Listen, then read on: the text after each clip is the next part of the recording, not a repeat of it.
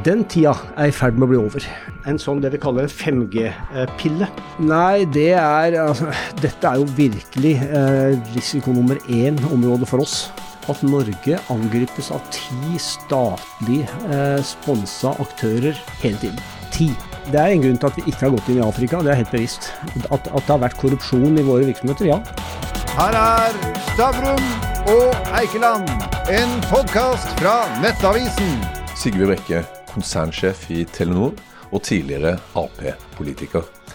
Du sa for noen år siden at hvis ikke Telenor klarer å endre seg, så dør dere. Mm. Nærmer Telenor seg døden? Nei, eh, det gjør vi ikke. Men vi står midt i et skifte.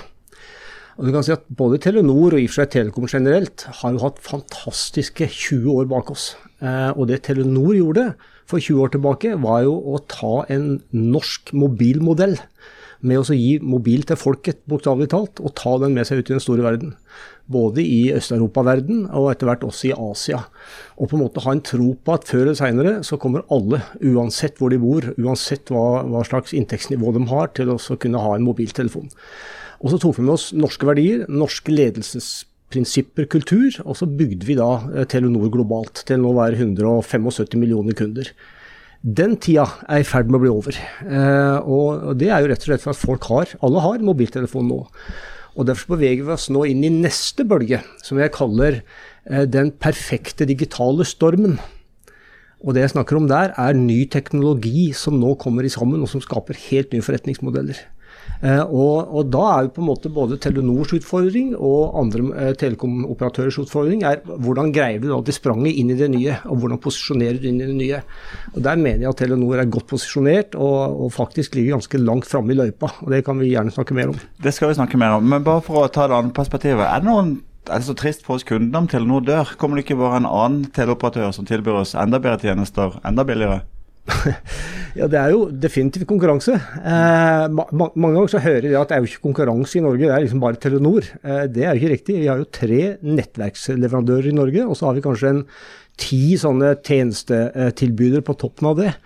Sånn at hvis du ikke er oppe om morgenen, og hvis du ikke leverer varene, så er det klart at da er det andre som tar over. Eh, og Vi har ikke tenkt å gi opp det, men vi har heller ikke tenkt å bli bare det vi kaller på en måte en dataleverandør. Altså det eneste du driver med er å bygge nett. Eh, vi ønsker også å ta en posisjon med noen tjenester på toppen av det. Men hvorfor koster et uh, Telenor-abonnement i Danmark en tredjedel av det det koster i, i, i Norge?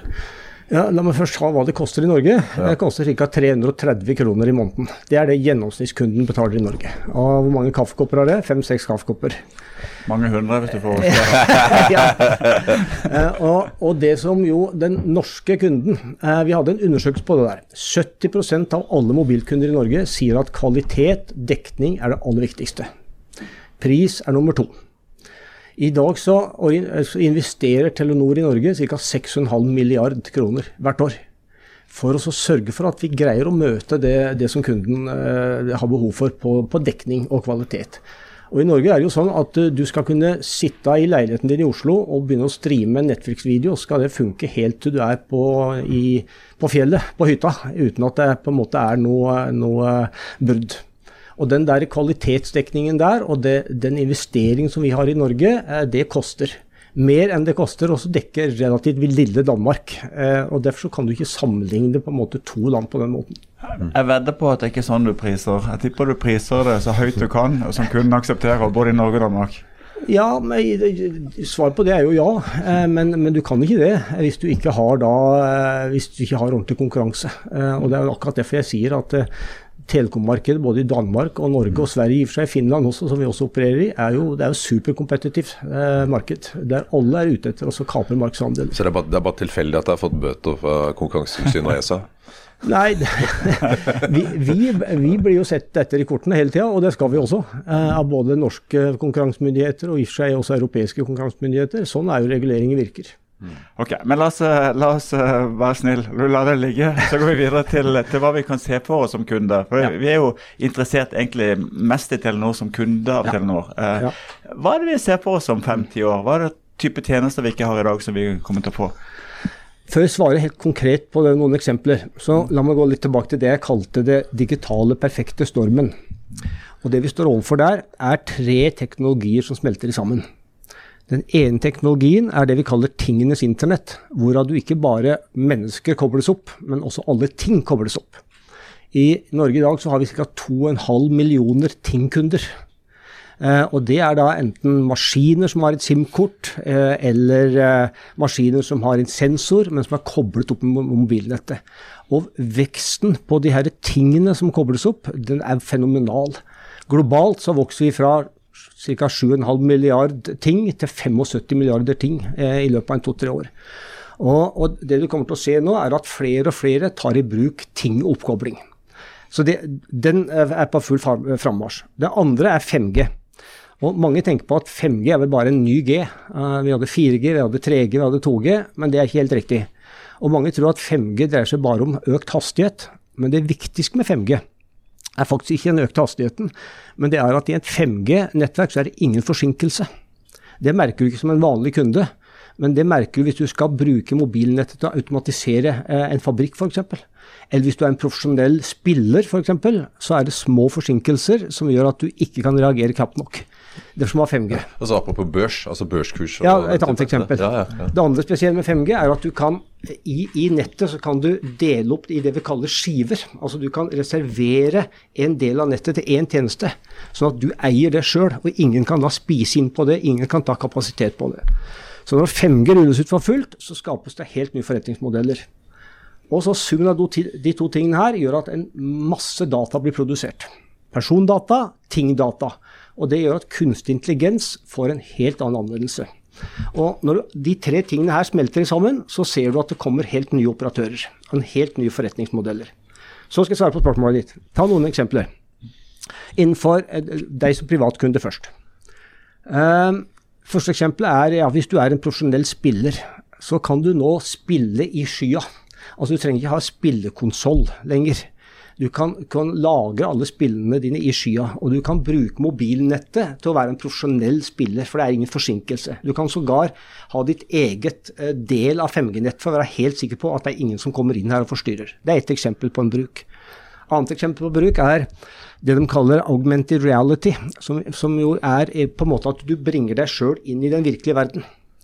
Avatarer, liksom? Ja, for eksempel. For eksempel. Mm. Um, uh, ta et konkret eksempel på det. da, At du kan Eh, nordmenn og andre de, de eh, kjøper jo mye produkter på, på internett, online.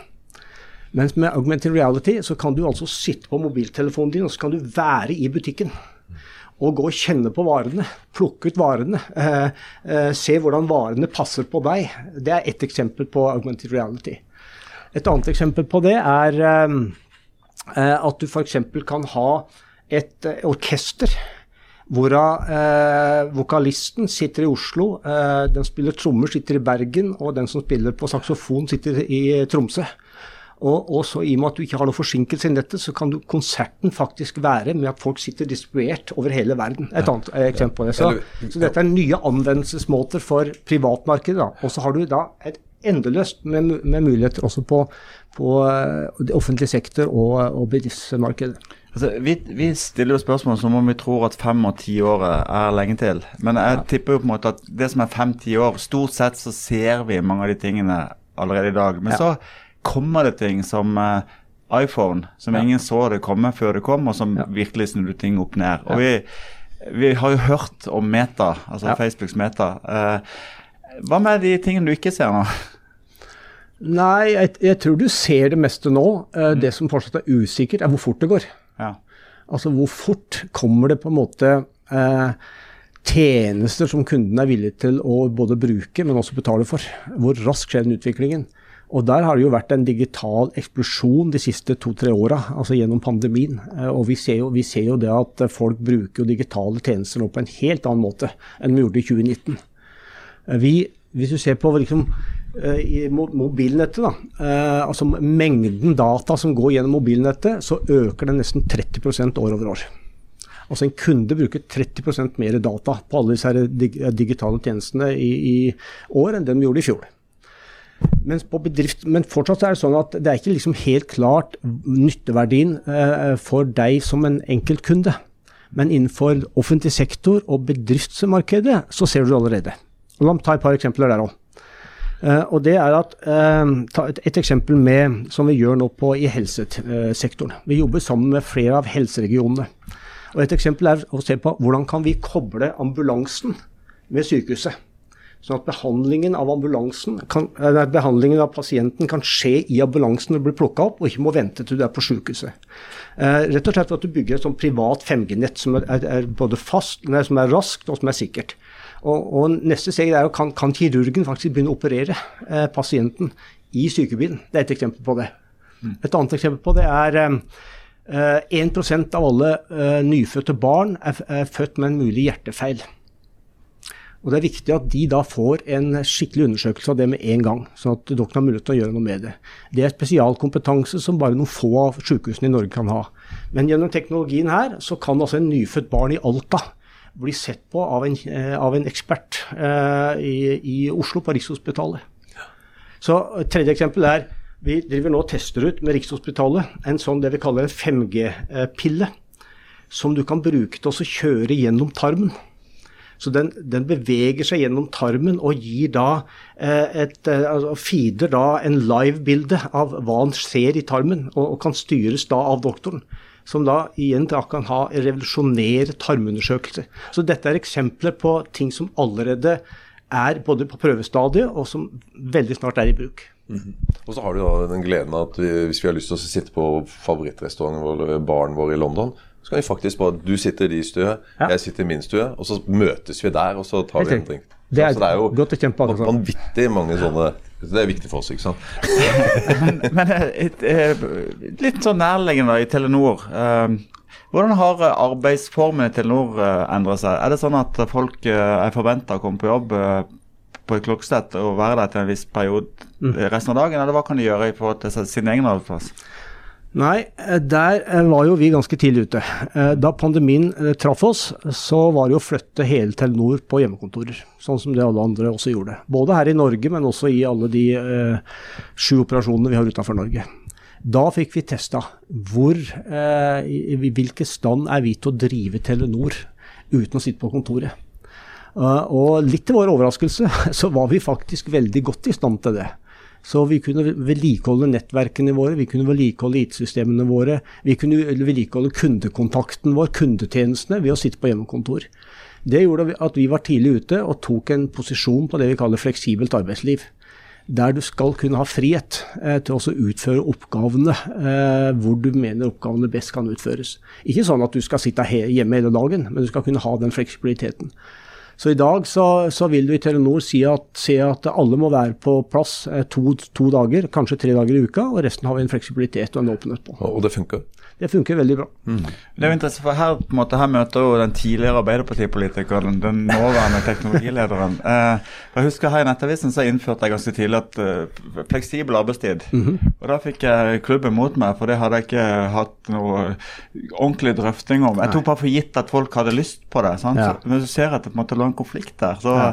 Så, så, hos deg er det altså sånn to til tre dager i uka ja. må du fysisk være på jobb. Ja. De andre dagene kan du være ja, hjemme. Ja. Helt riktig. Og vi var veldig tidlig ute med egentlig to ting. Det ene var å ha en dialog med fagforeningene for å unngå det du sa, sa nå.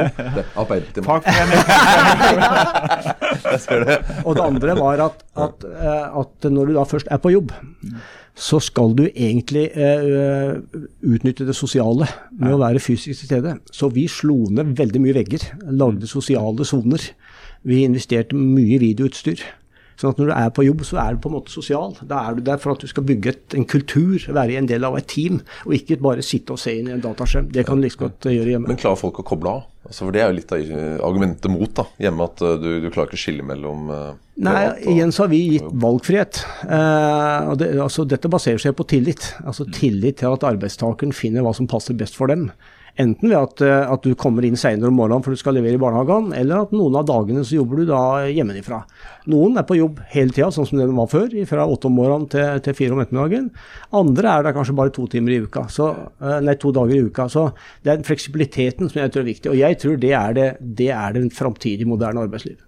Et stikkord uh, som du var innom uh, delvis, det var, det var uh, fjernmedisin. Helse- og telemedisin. Sant? Jeg har sett reklame for det og tenker ja. med skrekk og gå på å ligge der og bli operert, hjerteoperert av en kirurg som var ja. langt vekke. I hvert fall med de glippene som av og til er i tele, telenettet i dag. Ja. Men vi får jo også en voldsom sårbarhet. Ja. Du tar et stort ansvar hvis du skal være mellomleddet mellom kirurgen og meg. Ja, altså En fjernoperasjon er et stykke unna, Ja. det vil jeg si.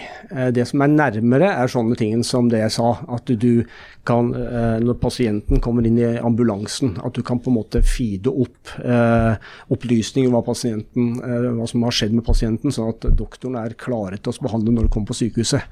Eh, Et annet eksempel er er det jeg sa med også, også ha, eh, sjekke barn, nyfødte barn. Tredje eksempel er dem som sliter med nyreproblemer og som trenger en nyredialyse. Istedenfor at de skal reise inn til sykehuset en gang i uka eller en gang i måneden, så kan det her foretas hjemme. Altså enklere ting.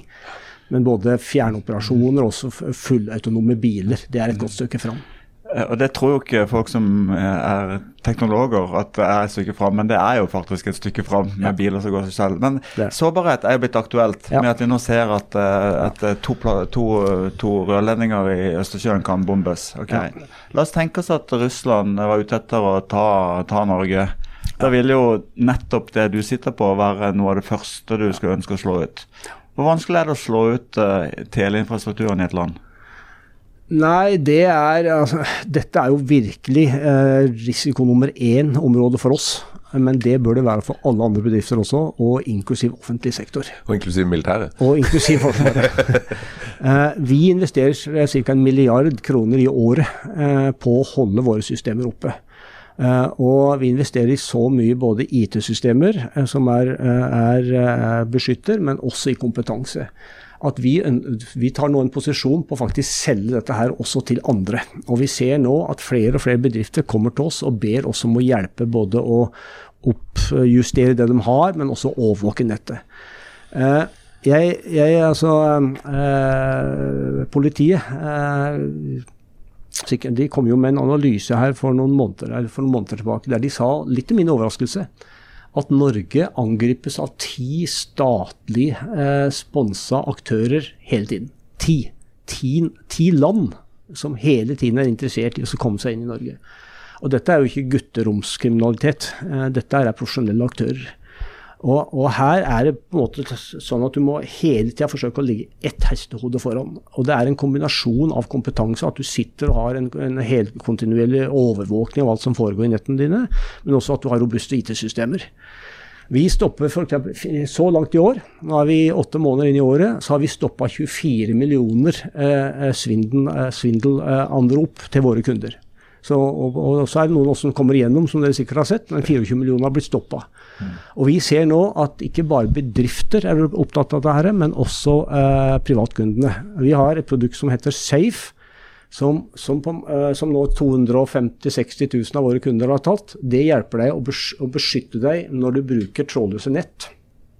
Eller uh, det hjelper deg hvis din ID, noen forsøker å stjele din ID, din personopplysning, så vil vi gi deg et signal om det. Så, så dette, her, dette, ligger helt helt fremst i det vi er opptatt av. Ja. Altså Vi så enkelt at uh, russerne kunne sabotere Østersjøen.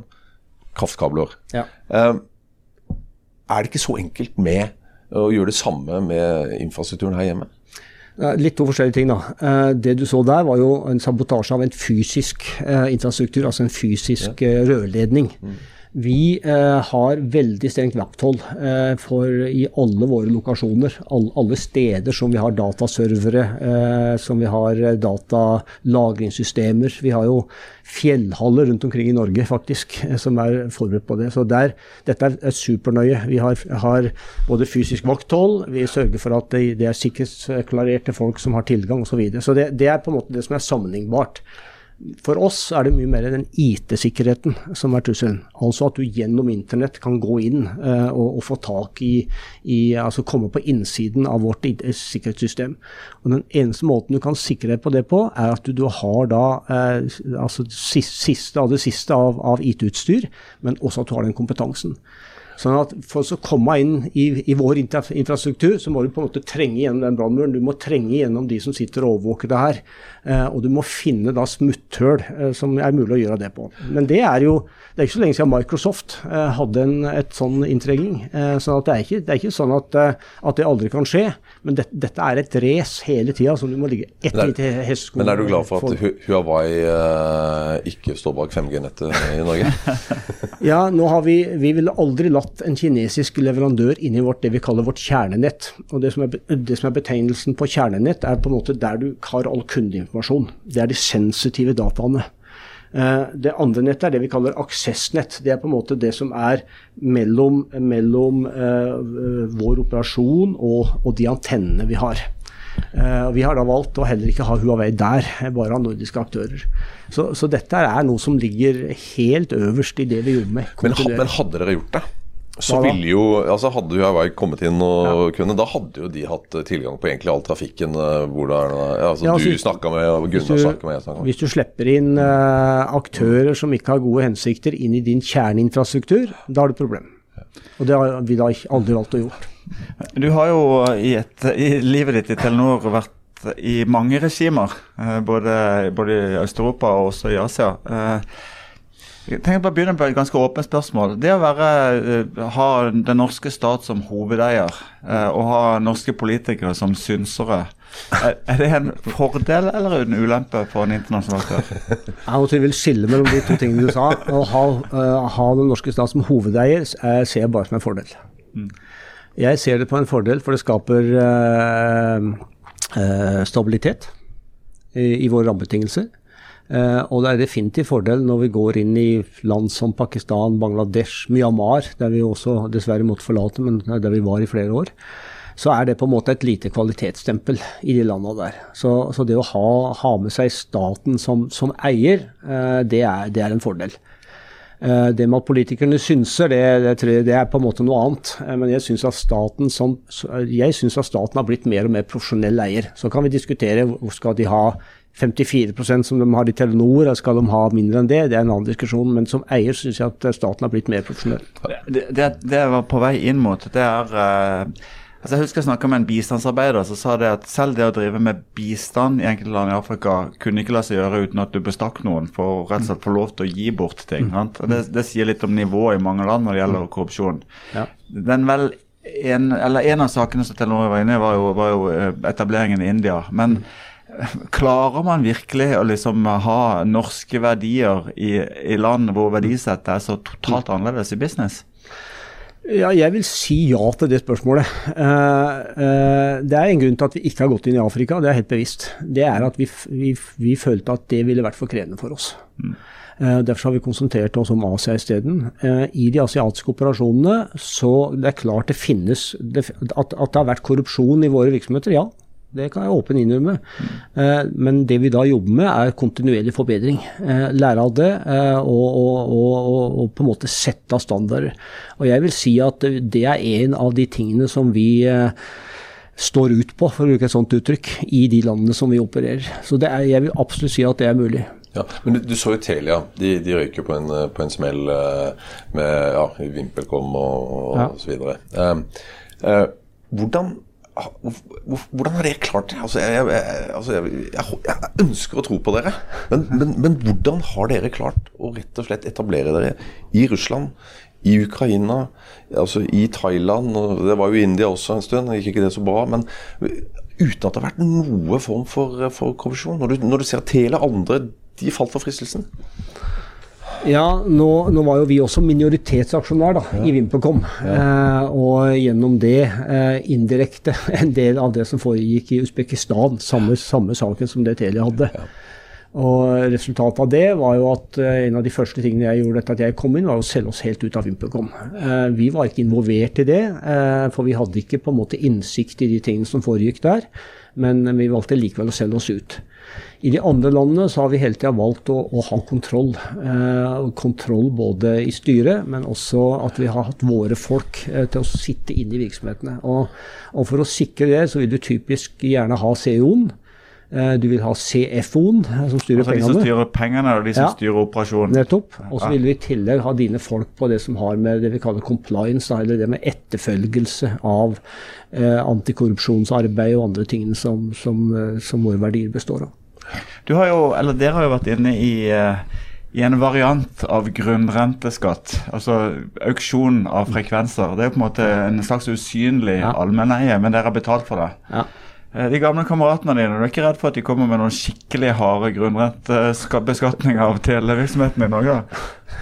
Nei, det, det jeg vil si om det, er jo at det norske telekommarkedet er ganske gjennomregulert sammenlignet med mange andre. Eh, Det er gjennomregulert på det du sier, med at du må betale for frekvenser, og det er auksjoner. Mm. Men det er også gjennomregulert ved at vi som eh, nummer én-aktøren i Norge har veldig veldig strenge reguleringer eh, for å, å hindre at vi misbruker vår markedsmakt. Så jeg ser på en måte ikke helt hvordan det kan bli verre. Eh, Altså, de får, de, de får bøter, de får bøter istedenfor. Nei da. Neida.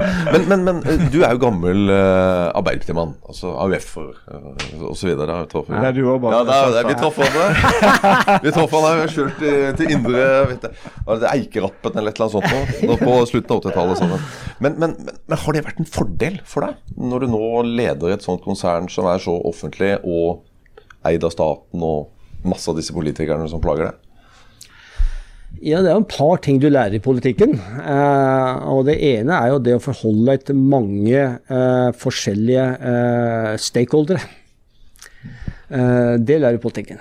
Og når du opererer da i en regulert virksomhet som det vi gjør, så har vi også veldig mange vi må forholde oss til. Så i Norge så må vi forholde oss til aksjonærer, sjølsagt, ansatte, som alle andre må, men vi må forholde oss til Næringsdepartementet som eier. Vi må forholde oss til eh, Samferdselsdepartementet som regulatør. Vi må forholde oss til en hel rekke forskjellige instanser. Så det også, også på en måte å skjønne hvordan, eh, hvordan, hvordan du håndterer alle de i en regulert business, det lærer vi fra politikken. Eh, det andre kanskje, det ville være det å, å skape oppslutning. Eh, og, og jeg mener at det der med å, å få folk engasjert, uh, det er en verdi som kanskje noen ganger er litt uh, ikke benytta fullt ut. Altså Det å få folk til å stå opp om morgenen, ikke bare for at du får betalt eller for at du får bonus, men for at du faktisk ønsker å gjøre en forskjell.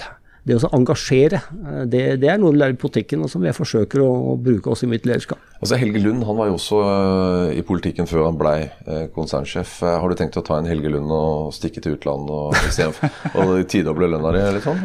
Du, nå har vi nettopp, på, tilbake til der vi begynte, eh, det her med det digitale skiftet. Nå har vi nettopp på en måte eh, kommet ut med en ny struktur som sier litt om hvordan framtidig Telenor skal se ut.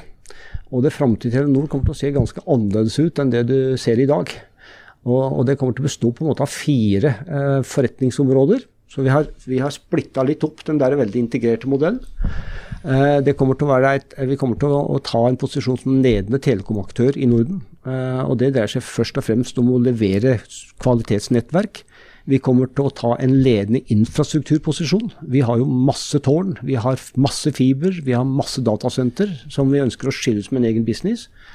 Det tredje er at vi ønsker å sette opp et selskap som også kan ta en posisjon på noen tjenester på toppen av det å bare levere data eh, til kundene våre.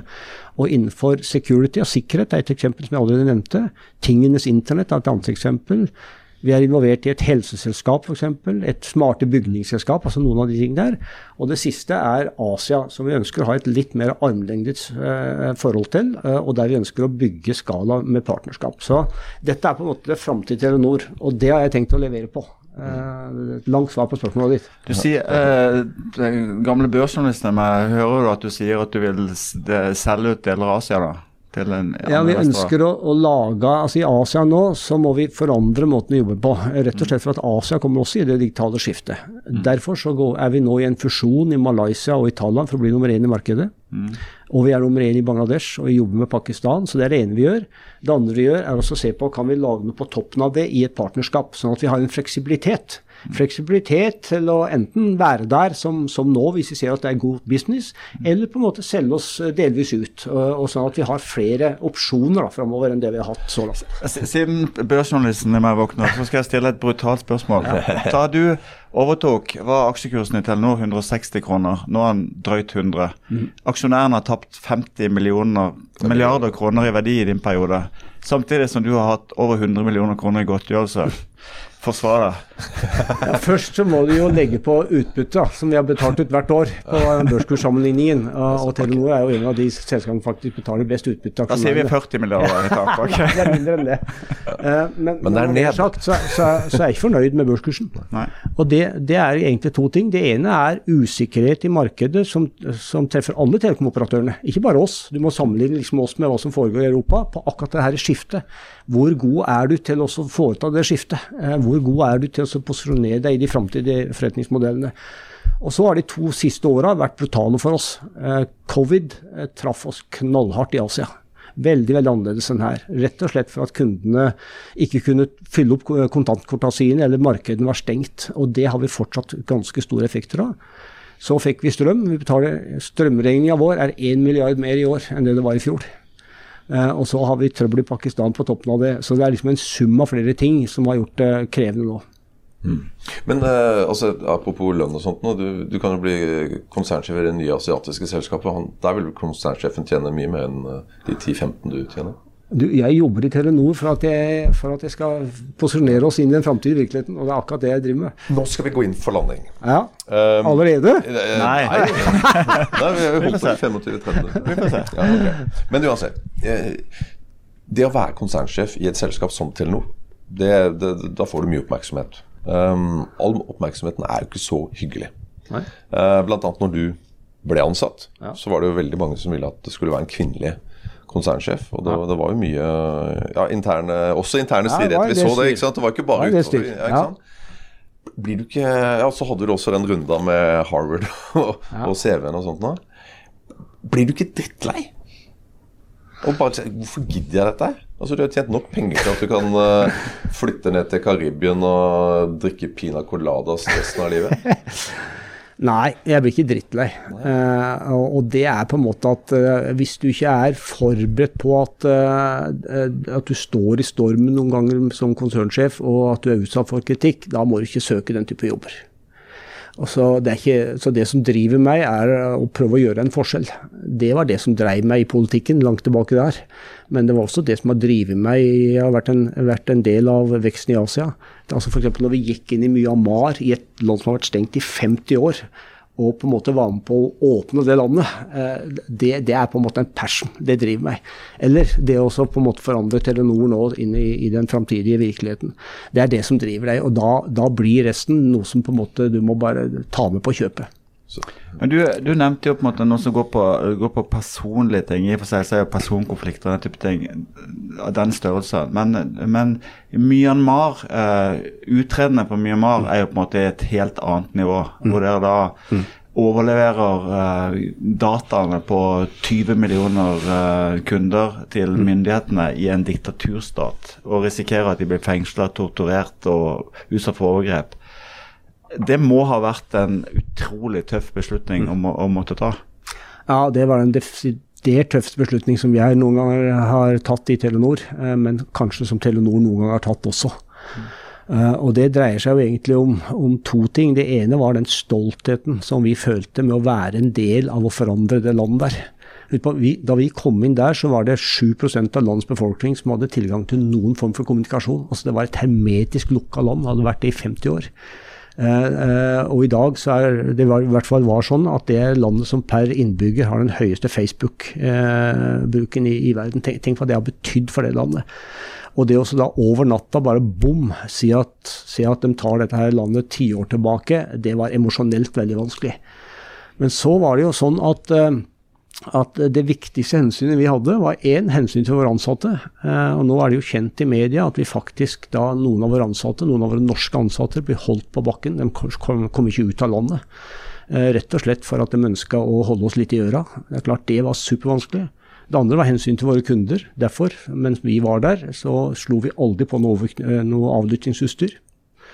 Og det tredje var å kunne stå opp imot de verdiene vi står for som selskap. Altså menneskerettsverdier, eh, som, eh, som personvernverdier. Og når vi så at vi ikke greide å, å, å, gjøre noen av de tre tingene der, så hadde vi ikke noe særlig valg. Og da var ikke valget sånn at vi kunne legge ned virksomheten. For myndighetene gjorde det helt klart at vi ønsker at den virksomheten fortsetter. Det var ikke sånn at eh, kjøperne sto i kø for oss å kjøpe oss. Eh, og da valgte vi til sjuende og sist å, måtte, måtte, selge da til noen som skulle overta. Og Alternativet ville vært verre. Alternativet ville vært at våre ansatte ikke hadde hatt noen jobb å gå til. Våre 20 millioner kunder ikke hadde hatt noe tilbud. Eh, sånn at, eh, at, det var Og det var liksom bare dårlige løsninger. Eh, så vi måtte velge, velge de løsningene som var minst dårlige. Hva hadde vært eh, konsekvensen av at dere hadde ødelagt alle kundedataene? Nei, det, det, kunne vi ikke gjort. Og Det var jo en av grunnene til at de hadde eh, våre folk på bakken. Eh, for at vi ikke skulle finne på noe eh, i deres øyne det som, som ville vært eh, da et terrorhandling, sånn som det de definerte det. Så i praksis holdt de Telenor-ansatte som gisler for ja. å hindre dere å gjøre det? Det gjorde de. Var det den avgjørende faktoren? Hadde de ikke gjort det, så hadde du knust? Nei, altså, det var jo ikke bare de, den, de, norske vi snakket om her. Det er klart at Hvis vi hadde gjort det, og selv om det ikke hadde vært noen nordmenn på bakken, så hadde vi jo like, minst like stort ansvar for de, de lokale ansatte som også ville hatt det samme. Husk på at Der vi hadde våre lokaler og datasentre, det var områder som, som var definert som unntakstilstandområder. Eh, hvor de lokale militære hadde ordre om å bruke nødvendige virkemidler for å sørge for at myndighetens interesse ble ivaretatt. Og vi fikk helt klar beskjed om at hvis de finner på noen sånne ting, eh, så, så kommer vi til å agere deretter. Så så det, det, var ikke mulig for oss å kunne beskytte våre ansatte eh, og gjøre da ting som vil bli sett på som en i deres øyne en terrorhandling.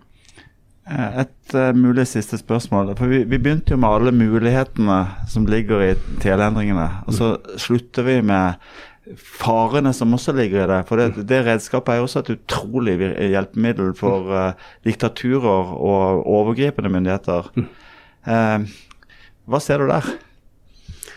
Nei, i, i, de landene som vi nå er i Asia, så er det klart at det er annerledes enn det det er i Europa. Eh, det er jo en av grunnene til at vi nå restrukturerer oss. Vi går inn i partnerskap med andre for å redusere den risikoen der. Sterke lokale partnere, det er det vi gjør i Thailand, det vi gjør i Malaysia og det er det vi har i Bangladesh. Men også det som gjør at vi må sette opp en struktur der hvis vi ser at, at det blir for umulig for oss å være her eh, lenger, så har vi mulighet til å redusere våre paneler. Du fikk Stavrum og Eikeland, en podkast fra Nettavisen.